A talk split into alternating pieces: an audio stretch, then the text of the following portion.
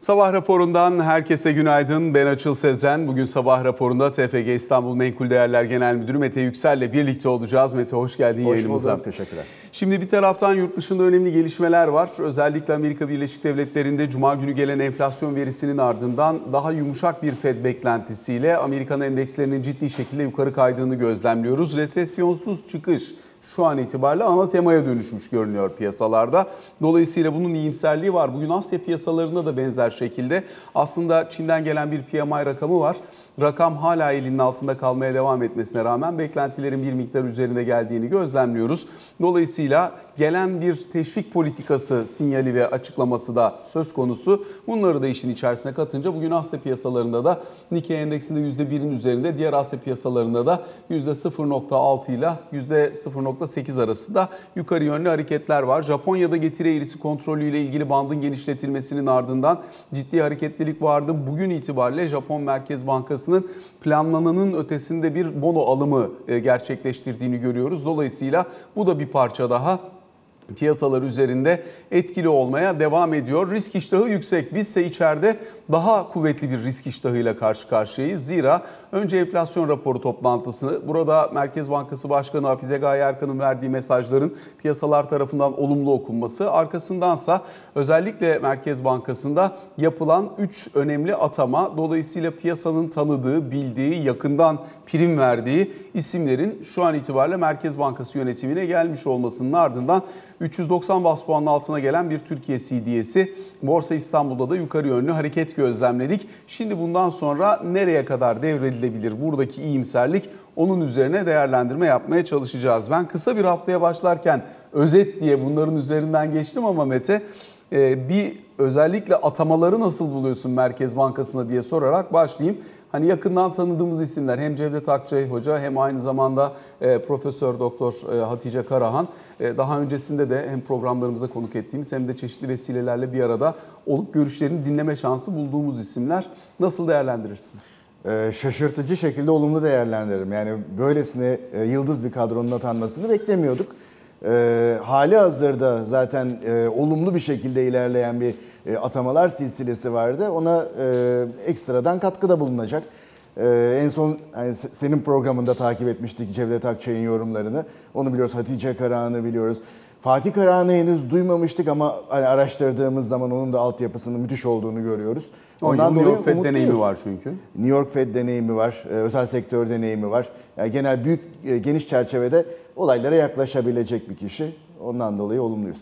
Peki bundan sonra ne beklersin diye sorayım sana. Çünkü şu ana kadar e, var olan daha önceki yönetimden devralınan bir kadroyla belirli bir aşamada e, önce kademeli olarak bir faiz artırımına geçildiği açıklandı. Ardından da yine küçük adımlarla e, etki analizleri yapılarak makro ihtiyati ve mikro ihtiyati önlemlerin tersine çevrilmeye başlandığını gördük.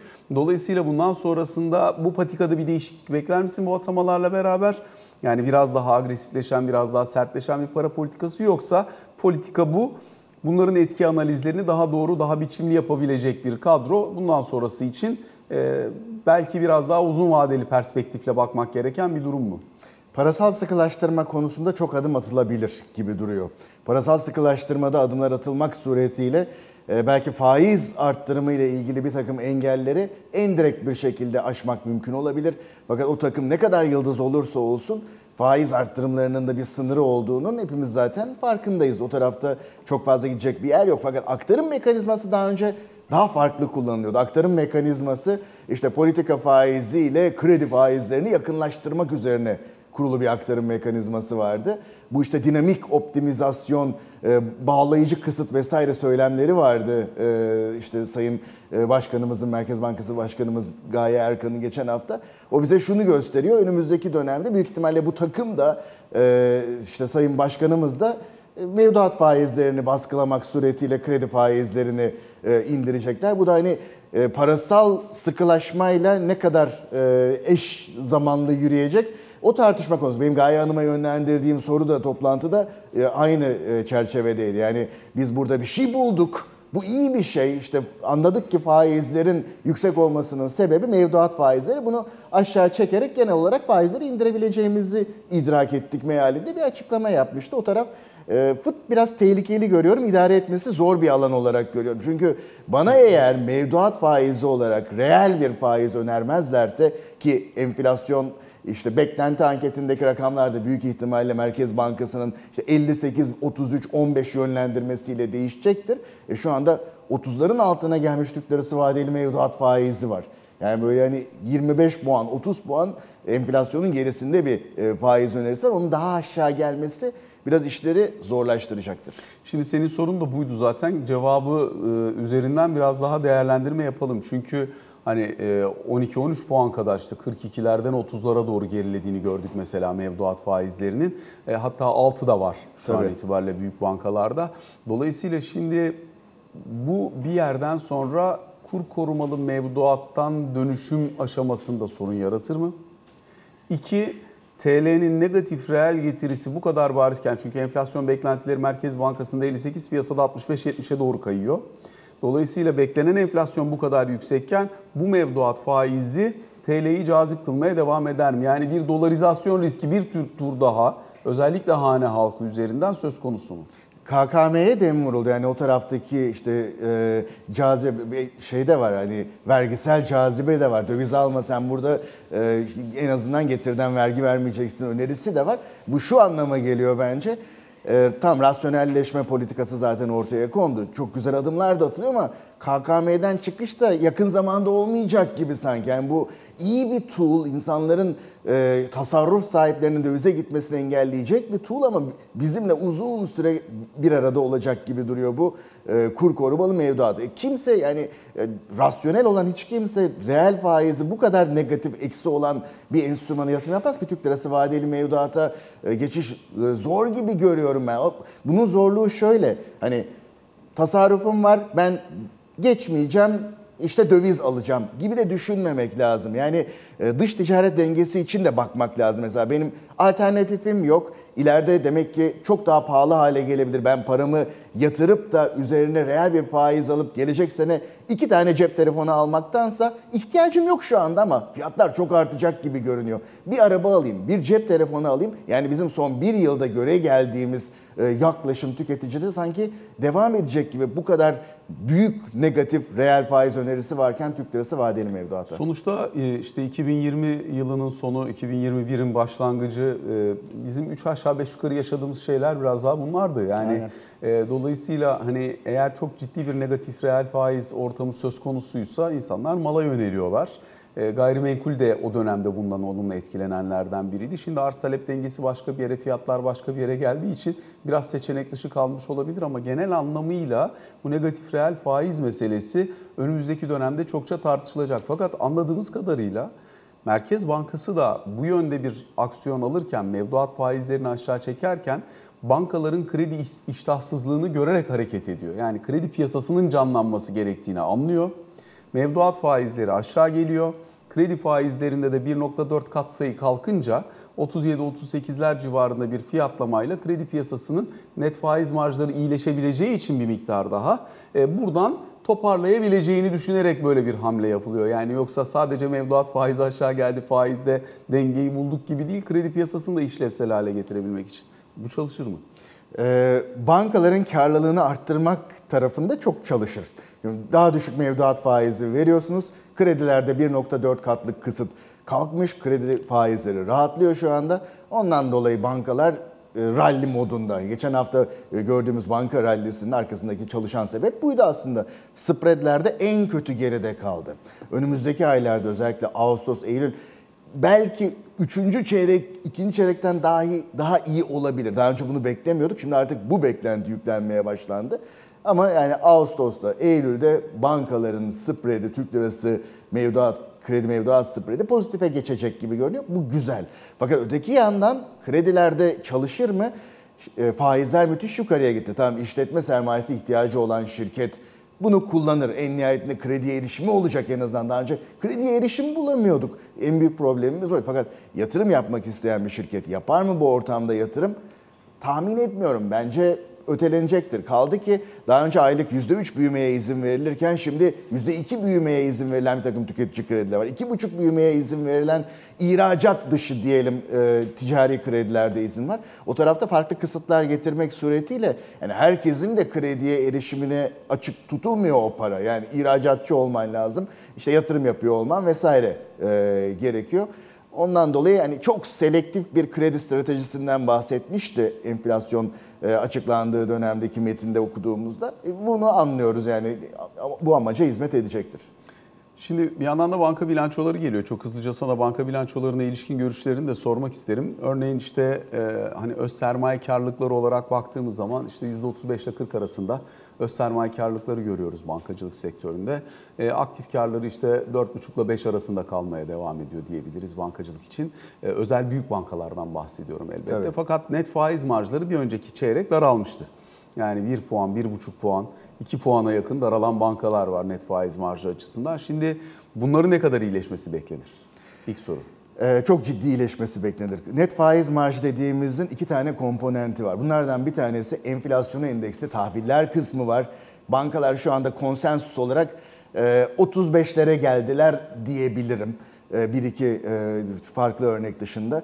Yani 35-40 civarında bir enflasyon varsayımı var diyelim. Ekim'de bunun nihai olarak enflasyon bacağı biçilecek bankalar tarafından. Şu anda kendi tahminlerini sallıyorlar oraya. Yani muhasebesel olarak oraya bir tahmin koyuyorsun. Ekim ayı geldiği zaman da gerçekleşmiş enflasyona göre bakıyorsun.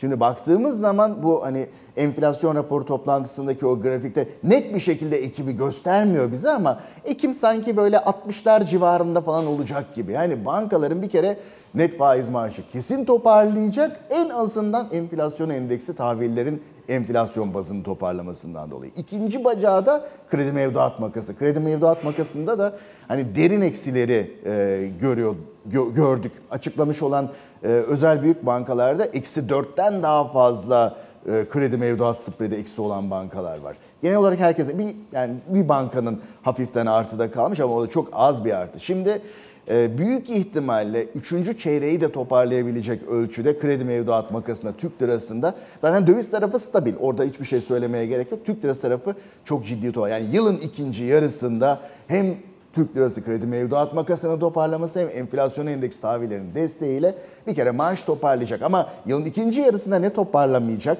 ne birinci yarıya göre daha negatif olma riski taşıyor.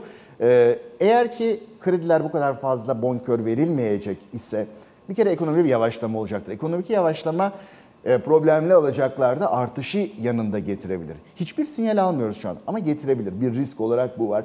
İkincisi de çok büyük bir kar katkısı e, çok ciddi miktarda bid ask e, spreadinden geliyordu döviz tarafına. Yani alım satım arasında 10 e, yüzde puanlık farklar vardı açıl. Bundan dolayı da bankalar çok ciddi miktarda alım satım karı yazmışlardı yılın ilk yarısında. Özellikle ikinci çeyrekte. Büyük ihtimalle ikinci yarıda bunu görmeyeceğiz. Şimdi bir taraftan da bankalarla ilgili işte bu momentum e, ister istemez yarıyor bankalara. Yani işte maliyetlerin, risk maliyetlerinin azalması, net faiz marjındaki artış vesaire. Yani sonuçta hisse senedi yatırımcısıysan bu görmezden gelebileceğin bir şey değil. Fakat bir taraftan yine görmezden gelemeyeceğin bir başka unsur bankaların örneğin fiyat defter değeri oranları. Şimdi bunların geldiği yerler artık bire yakın noktalar. Dolayısıyla dünyadaki banka fiyatlamalarıyla bizdeki banka fiyatlamalarını kıyasladığında aradaki gap'in marjın ciddi şekilde kapandığını gözlemliyoruz. Bundan sonrası için e, daha kuvvetli bir değerleme bulma imkanı var mı?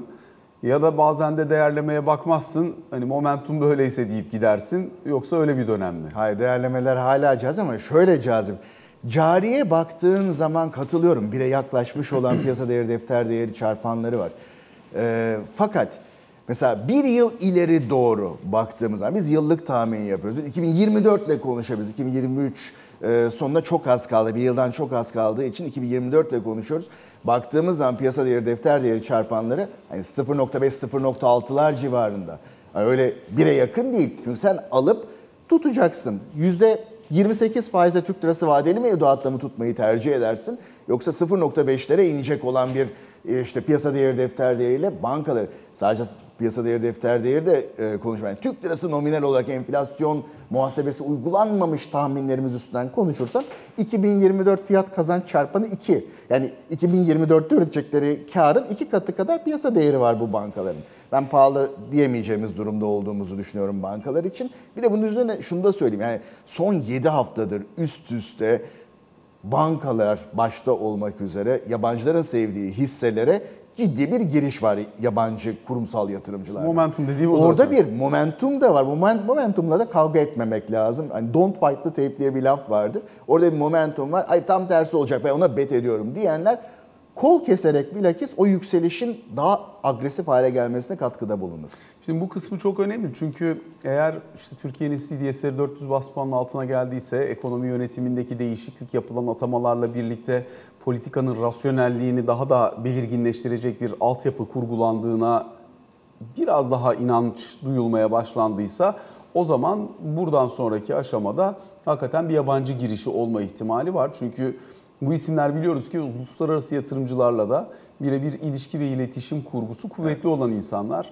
Ee, Dolayısıyla hani burada bir miktar daha e, Türkiye'yi, Türkiye'nin dönüş hikayesini anlatıp aktarıp buraya biraz daha fon akımı sağlayabilecek bir gelişim e, söz konusu olabilir. Burada yabancı payının örneğin ciddi şekilde hisse senedinde arttığı bir tablo görülebilir mi? Neyle görülebilir? Ne kadar gidebilir? Ne dersin?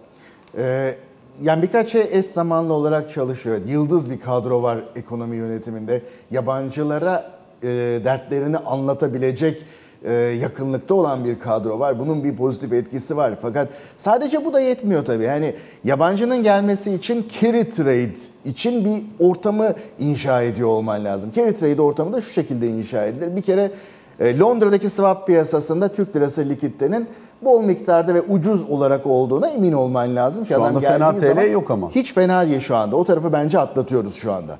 Ee, swap piyasasını kurtardıktan sonra da faiz önerinin anlamlı bir yerlerde oluyor olması lazım. Yabancı geldiği zaman tabii ki yani Türk lirası uzun vadeli tahvil alarak da geliyor. Bir zamanlar %28'di yabancının Türk lirası tahvildeki payı. Şu anda %0.7'ye yükseldi 0.6'dan diye sevindiğimiz bir noktadayız. Yani neredeyse yoklar. Fakat yabancı gecelik ya da haftalık e, faize daha çok e, geliyor. E, gecelik veya haftalık faize baktığımız zaman hani bunların hepsi aktarım mekanizmasının full çalıştığı varsayımı altında 17,5 çevresindeki rakamlardan oluşmakta. Bu kafi midir? Hani %58 bu yıl enflasyon bekleniyor.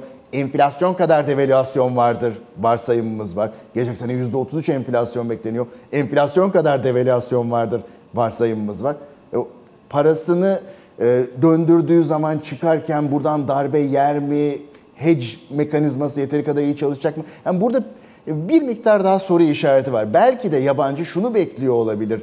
Daha e, hızlı bir giriş yapmak için. Çünkü orada tam e, hisse senedi piyasasına giriş yapıyor ama e, tahvilde, fixed income'da, sabit getirili menkul kıymette o kadar giriş yaptığını görmüyoruz.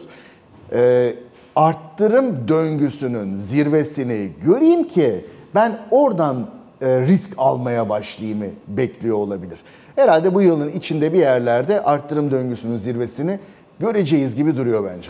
Yani yabancı yatırımcının gelişi özellikle portföy hesabı üzerinden girişi için birkaç tane temel fonksiyon vardı. Bunlar oldu. Yani Türk lirasındaki değer kaybının artık belli bir aşamaya geleceğini, baskılanmış kurun gelebileceği yere kadar yükselişini bir görmek gerekirdi. O oldu. TL bulmak gerekirdi o oldu. Risk priminin düşmesini beklersin normal koşullar altında. O bir miktar gerçekleşmiş oldu. Şimdi biraz önce senin söylediğin gibi anlamlı bir getiriye ihtiyaç var gibi duruyor. O anlamlı getiri tabii ki yabancı Türkiye'de yaşamadığı için buradaki enflasyonda çok doğrudan bir bağı yok. Getirisinin nerede olduğunu e, kısa vadeli pozisyonunu alıp kapatırken herhangi bir problem yaşayıp yaşamadığını öngörerek hareket edecektir. Ama bu kısa vadeli bir yatırımcı profili sanki çizecek gibi görünüyor önümüze. Önce onlar gelecek. Daha sonra politika sonucunu verdikçe biraz daha uzun vadelilerine bakmak gerekecek. Öyle olacak. Yani önce e, fırsatçı hedge fonlar gelmeye başlayacak ki bence işte son 7 haftadır giriş yapanlar böyle emeklilik fonları falan değil. E, Daha sonra daha güven ortamı e, inşa edildikçe long only fonlar, işte bu emeklilik fonları gelmeye başlayacaktır. Peki özellikle bundan sonraki süreç açısından bakıldığında bir yavaşlama beklentisi dikkate alınacak olursa bankalardan bahsettik. Özellikle banka dışı hisseler açısından öngörünüz nedir diye bir sormak isterim. Burada çünkü işte çok iyi giden gayrimenkul yatırım ortaklıkları oldu bir dönem. Arkasından işte otomotiv şirketlerinde muazzam işler gördük. İşte en son Ford Otosan bilançosuna falan baktığımızda da kuvvetli bilançolar geliyor. Bayağı ciddi ciddi kuvvetli bilançolar geliyor. Bunların devamlılığı falan dikkate alındığında yavaşlayacak ekonomi ama mal döngüsü yüksek enflasyon nedeniyle negatif reel faiz nedeniyle devam edecek. Dolayısıyla aynı açmaz orada da var gibi görünüyor. Doğru fakat bizim e, büyük sürükleyici şirketlerimizin çok büyük bir bölümü aslında e, ihracatçı şirketler. Yani otomotiv dedim, beyaz eşya da öyle. Marjları da hiç fena gelmiyor. E, beyaz eşya iyi gitmeye devam edecek ihracatçı, otomotiv iyi gitmeye devam edecek ihracatçı. İşte hazır giyim, hazır gıda bunların ihracat bacağı çok güçlü e, sektörler ve bunların katılımcıları çok e, güçlü şirketler.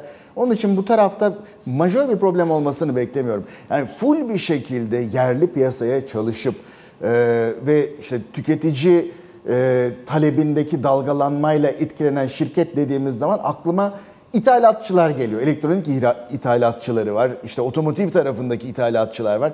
Ekonominin soğuduğu, çarkların daha yavaş döndüğü, krediye ulaşımın daha zor olduğu ortamda e, biraz onların işi yılın ikinci yarısında zor olacak. Bugüne kadar idare etmemizin sebebi e, daha geç olmadan benim bir talebim yok ama ilerideki talebimi şimdiden tatmin edeyim şeklinde önden yüklemeli bir talep vardı. O da büyük ölçüde aslında tatmin edildi gibi.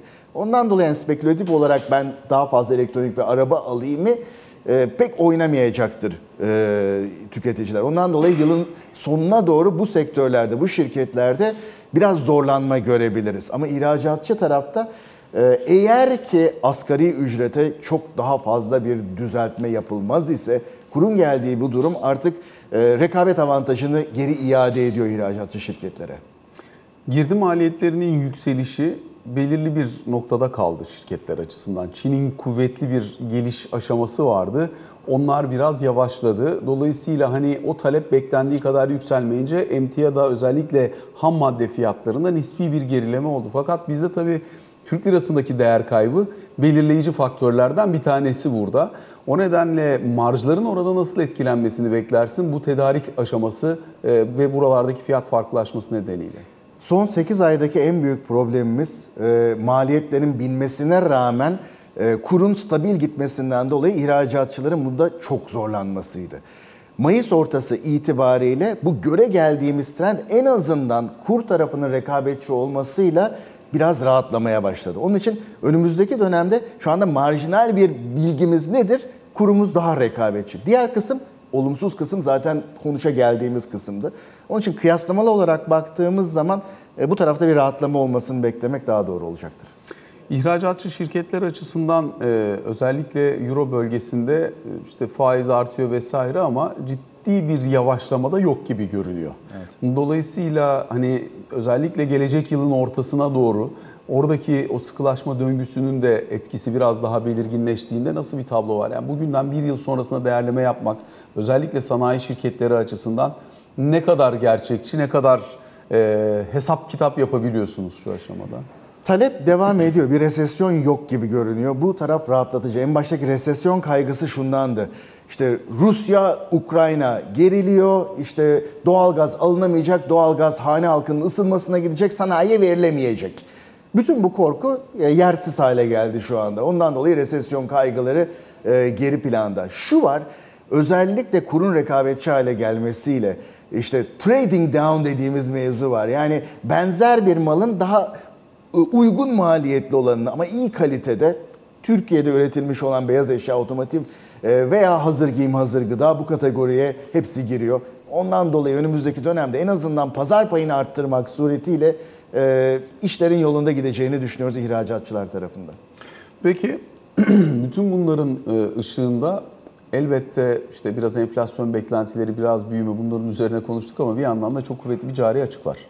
Dolayısıyla şimdi yavaş yavaş kademe kademe buralara da çeşitli e, önlemlerin gelmeye başladığını gözlemliyoruz.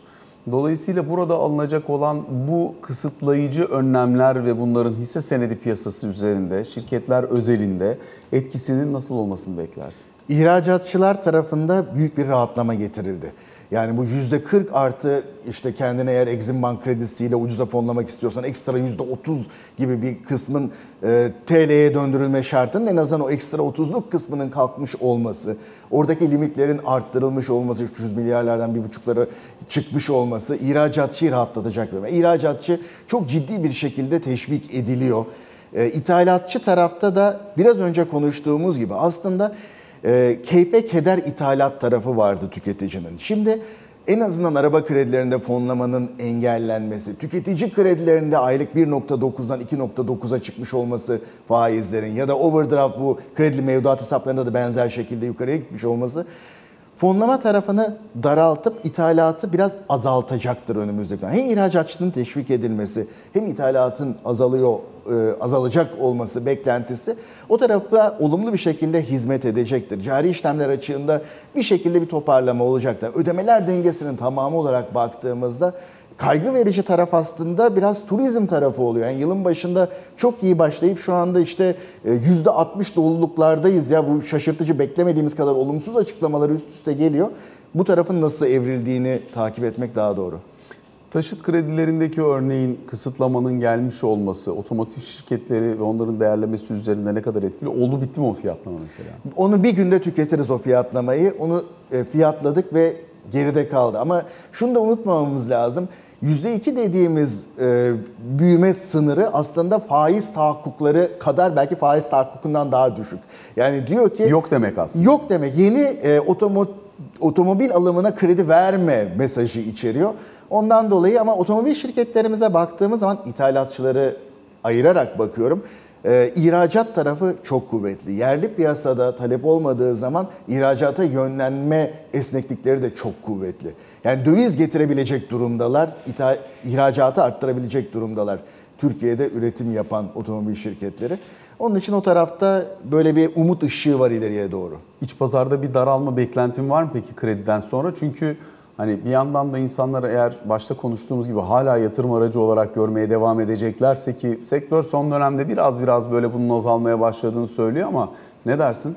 E, şüphesiz yani krediye erişimin azalıyor olması e, ve yani sadece otomobil kredileri olarak düşünmemek lazım. Otomobil alırken e, işte normal e, genel amaçlı tüketici kredisi hatta kredi kartındaki tüm bakiyenin ne var ne yoksa kredi mevduat hesabının kullanılması da söz konusuydu.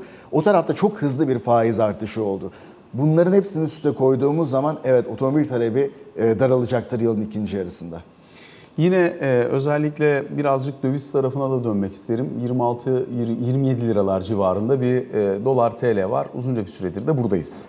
Şimdi KKM destekleyici ama faiz geriye geliyor. Buradaki hani sistemi bozan ya da bozma riski barındıran tek şey hane halkının döviz oyununa geri dönmesiydi.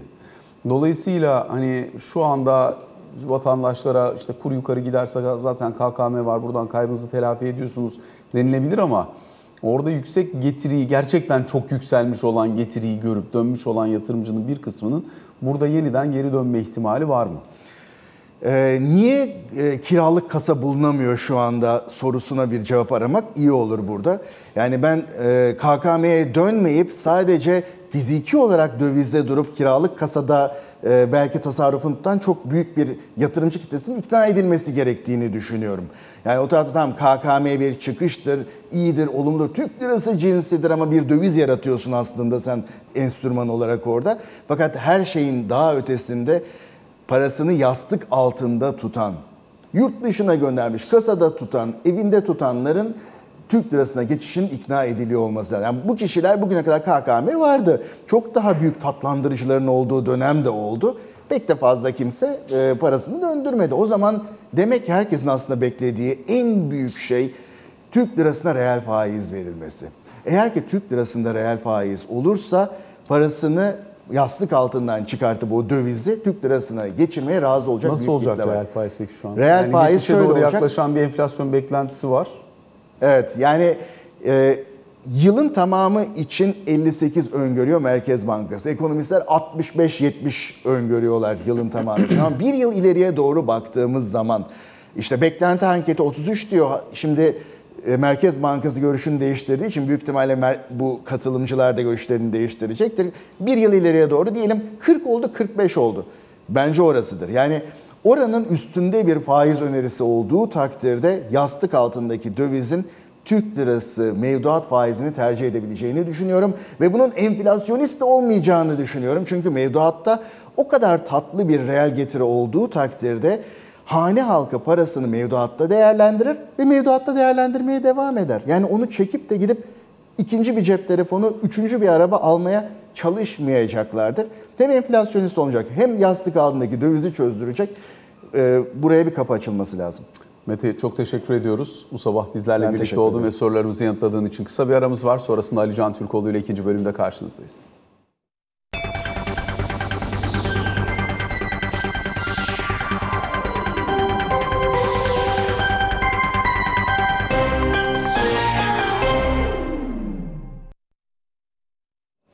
Sabah raporunun ikinci bölümüyle karşınızdayız. Ali Can Türkoğlu ile birlikteyiz. Ali Can günaydın. Günaydın Yasvar. Önce bir miktar e, diplomasi ile ilgili süreci tartışarak başlayalım istersen. Bir Erdoğan-Putin görüşmesi beklentisi olduğunu zaten uzunca süredir e, değerlendiriyorduk. Putin'in açıklaması var. Çarşamba günü konuşup ne zaman görüşeceğimizi netleştireceğiz diye. Nedir bundan sonrasında işin beklentisi? Ee, hem ne zaman hem de nerede görüşeceğimiz de e, netleşecek diyor. Çünkü aslında izleyicilerimiz de hatırlayacaktır. Seninle de çok konuştuk. Biz Erdoğan-Putin görüşmesini e, olacağından bahsederken Ağustos'taki Türkiye görüşmesine atıfta da bulunuyorduk. Çünkü Cumhurbaşkanı Körfez turuna gitmeden önce de e, Putin'in Ağustos ayında Türkiye'ye geleceğini ama onun öncesinde bu tahıl koridoru sıkıntısının e, sıkıntısını aşabilmek için bir yüz e, te- bir telefon görüşmesi de e, yapacaklarını ifade etmişti. Dolayısıyla bu kapsamda aslında geçtiğimiz hafta olması çok daha yüksek ihtimal olarak e, beklenen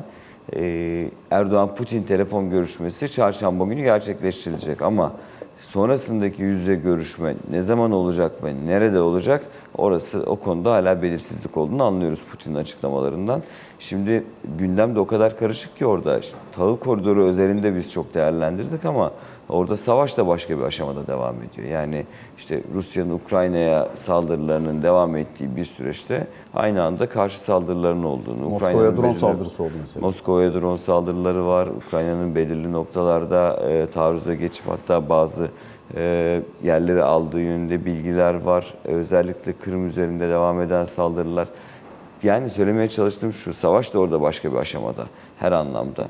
Dolayısıyla bir yandan NATO süreci ve NATO'nun e, işte İsveç, Fin- Finlandiya ve İsveç kararları sonrası Ukrayna ile ilgili açıklamaları var.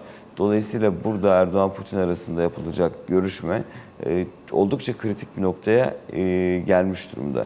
Ama buradaki öncelik yine de öncelik tahıl koridoru gibi görünüyor. En azından dünyanın beklentileri açısından bakıldığında da yani en hızlı adım atılması beklenen konu diyeyim. Öncelik tabii ki savaşın bitmesi ama bunun da nedeni özellikle e, Putin'in geçtiğimiz hafta Afrika ile ilgili yapmış olduğu açıklamalar. Yani Ukrayna tahılının yerini Rus tahılının al- alacağı, e, önümüzdeki 3-4 ay içerisinde ihtiyacı olan ülkelere Rusya'nın e, bedava tahıl sağlayacağı, yeni bir rota belirlenmesi konusunda Rusya'nın yapmış olduğu açıklamalar gibi. Dolayısıyla şimdi Nijer'deki durumu da bir yandan e, düşünürsek yani işte Nijer'deki e, darbe girişimi neticesindeki olaylarda işte Fransız bayrağı e, yakılırken işte Rusya ve Putin lehine tezahüratlar yapan e, bir durumun da olduğunu görüyoruz. Bu kapsamda Rusya-Afrika ilişkileri, Avrupa-Afrika ilişkileri ve tahıl koridorunun işleyip işlemeyeceği yönündeki e, konu oldukça önemli bir durumda şu an itibarıyla.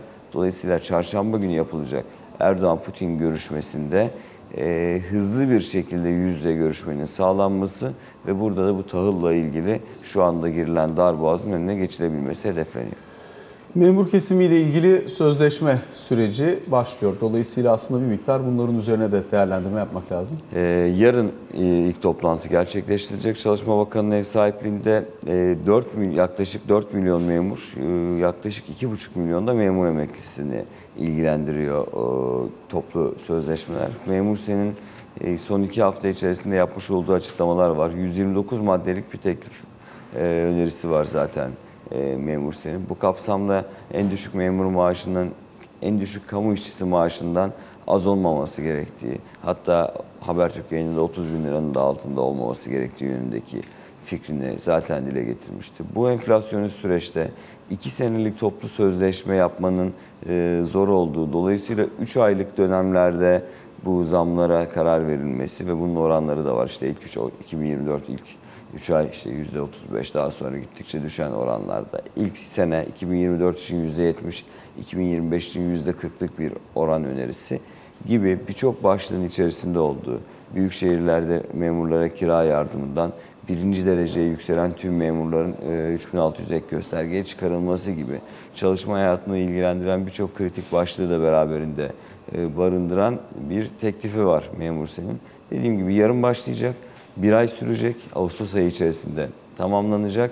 Hükümetin görüşü kabine toplantısı sonrası e, Bakan Işıkhan'ın açıklamalarından bu konunun da uzlaşmayla çözülebileceği yönündeki ümidini koruyor e, hükümet tarafı. Ama ne olacak, ne gibi açıklamalar yapılacak toplu sözleşmenin ilk görüşmeleri başladığında bunları göreceğiz yarından itibaren. Cumhuriyet Halk Partisi'nde ortalık karışık. Karışık kalmaya devam ediyor. E, ediyor. Şimdi oradaki süreç tabii bir yandan da örgütler belirlendiği için o kurultay başladı bilindiği gibi il ilçe e, kurultayları da yapılıyor. Burada şimdi İstanbul İl Başkanlığı ile ilgili çok ilginç bir süreç var aslında. Yani her ne kadar biraz daha e, daha küçük gözükse de işte değişimle ilgili işte genel başkan değişim çağrıları var. Daha farklı yönetimde değişimsel çağrılar var. Genel başkanın ve genel merkezin e, kamuoyu önünde konuşmayın demesine rağmen bugün yine gördüm. İşte grup başkanı Özgür Özel'in açıklamaları var değişimle ilgili yine. Ama ben burada özellikle İstanbul İl Örgütü'ndeki seçime dikkat etmek istiyorum. Neden? Şimdi Canan Kaftancıoğlu siyasi yasak nedeniyle zaten aday olamıyor.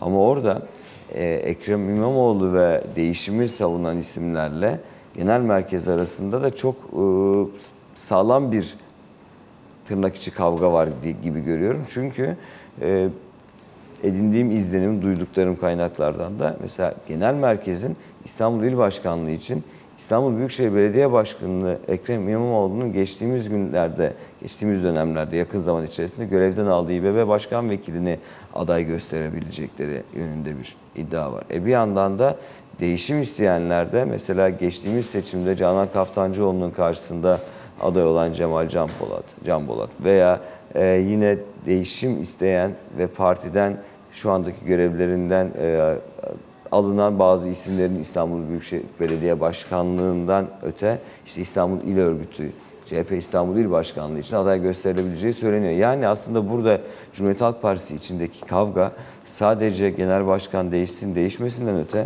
tüm örgütlere de sirayet etmiş durumda. Dolayısıyla İstanbul İl Başkanlığı başta olmak üzere örgütlerde nasıl bir, örgüt seçimlerinde nasıl bir e, süreç izlenecek? Cumhuriyet Halk Partisi bu süreci nasıl yönetecek bunu göreceğiz. Ama daha geniş cepheden bakarsak her ne kadar geçtiğimiz hafta Sayın Kılıçdaroğlu'ndan parti içi sorunları kamuoyu önünde konuşmayın dense bile işte bugün dahil olmak üzere Cumhuriyet Halk Partisi Grup Başkanı Sayın Özgür Özel'in de farklı e, parti yetkililerinin de bu değişim konusuyla ilgili olarak değişik beyanatlarını görüyoruz. Alican teşekkür ediyoruz. teşekkür ederim. Aktardığım bu notlarla birlikte sabah raporuna son noktayı koymuş oluyoruz. Hoşçakalın.